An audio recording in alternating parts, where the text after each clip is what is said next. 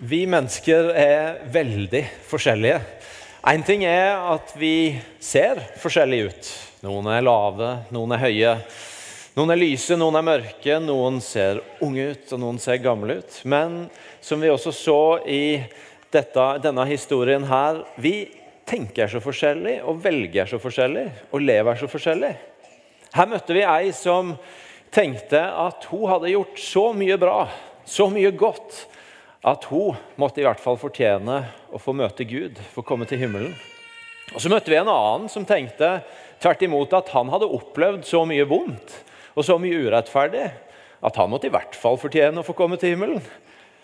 Sjølskryt og sjølmedlidenhet, og kanskje er det et sted midt imellom når det var en som syntes han fortjente å komme til himmelen bare fordi han hadde måttet høre på meg i sju år.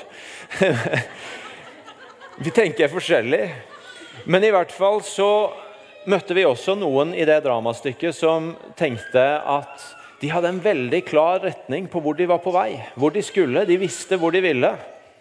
Og Så møtte vi en som var litt mer sånn Jeg vet ikke helt hvor jeg er på vei, men har i hvert fall tenkt å ha det gøy underveis. Og vi møtte ei som tenkte at bare alt er perfekt og ser perfekt ut, så kommer det til å gå bra. Og en annen som, som var mer opptatt av jeg må bare få sagt alt som er galt. Vi mennesker tenker og velger å leve forskjellig, og sånn kan det jo egentlig være når det kommer til Gud også. Noen er kanskje ikke så opptatt av de stigene. Noen tenker kanskje at hadde jeg hatt en stige, så vet jeg ikke om jeg hadde brukt den til å klatre til Gud. Mens noen andre av oss vi kan leite og lengte og av og til klatre. Og Kanskje kunne det være spennende å tenke igjennom hvis du hadde en stige, åssen hadde den stigen sett ut? Åssen hadde din fortelling vært?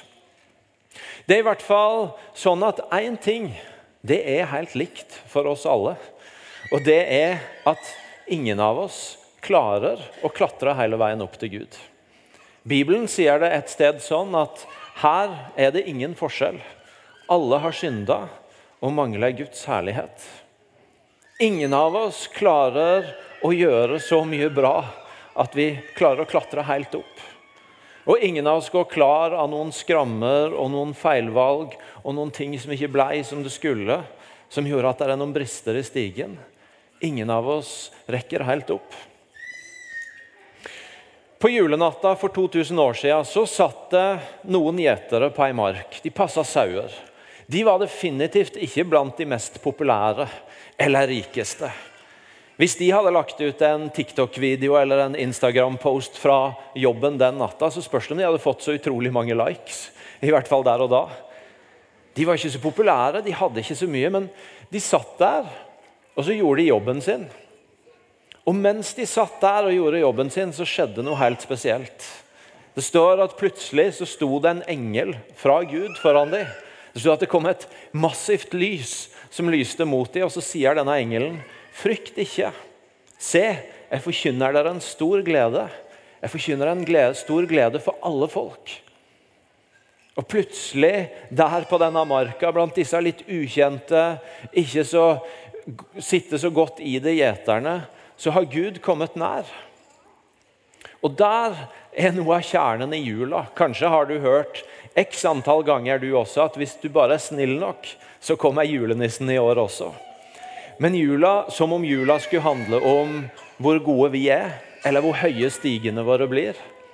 Men så handler jo jula om det stikk motsatte. Jula handler jo ikke om at vi får en stige opp til himmelen, men at himmelen fant en stige ned til oss. Det var Gud som kom nær oss. Det var Gud som valgte å stige ned til oss når våre stiger aldri kunne rekke opp til Han. Og Kanskje det er også noe å tenke på denne jula. Ikke bare hvordan din stige hadde sett ut, men det faktum at det var hans stige som kom til oss. Og det var ikke en stige som møtte oss på halvveien, sånn at det fortsatt handla litt om at noen kom lenger enn andre.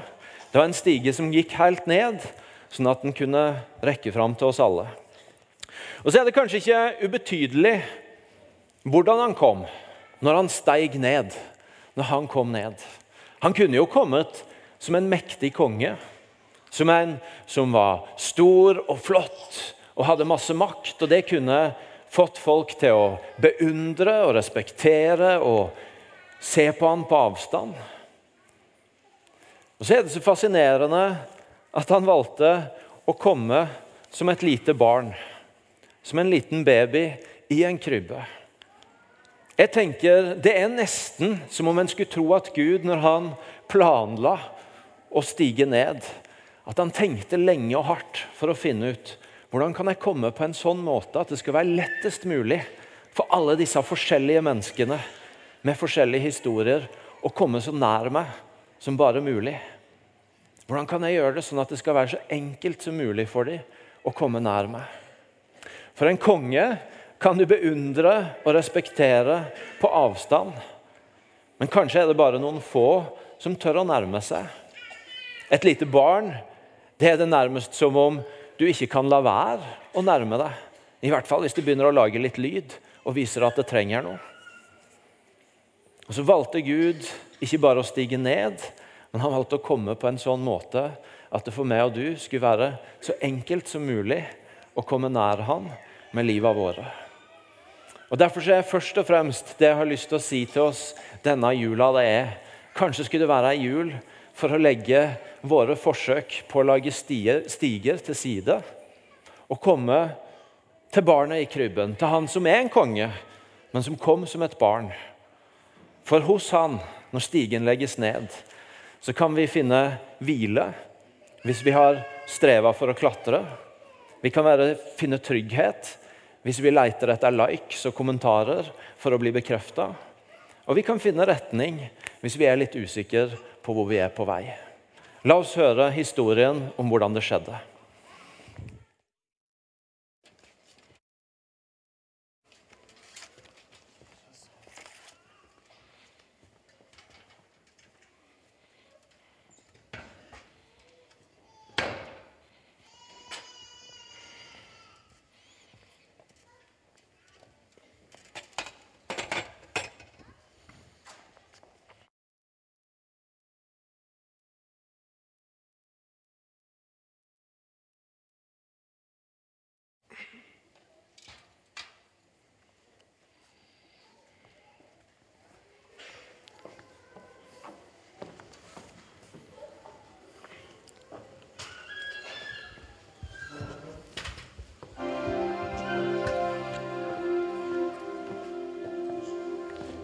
Det skjedde i de dager at det gikk ut befaling fra keiser Augustus om at hele verden skulle innskrives i manntall. Denne første innskrivningen ble holdt mens Kvirinius var landshøvding i Syria. Og alle dro av sted for å la seg innskrive, hver til sin by. Josef dro av sted fra byen Nasaret i Galilea opp til Judea, til Davids by Betlehem, fordi han var av Davids hus og ett, for å la seg innskrive sammen med Maria, som var lovet bort til ham, og som ventet barn. Og mens de var der, kom tida da hun skulle føde, og hun fødte sin sønn, den førstefødte. Og hun svepte han og la han i en krybbe, for det var ingen husrom til ham. Det var noen gjetere der i nærheten som var ute på marken og holdt nattevakt over flokken sin.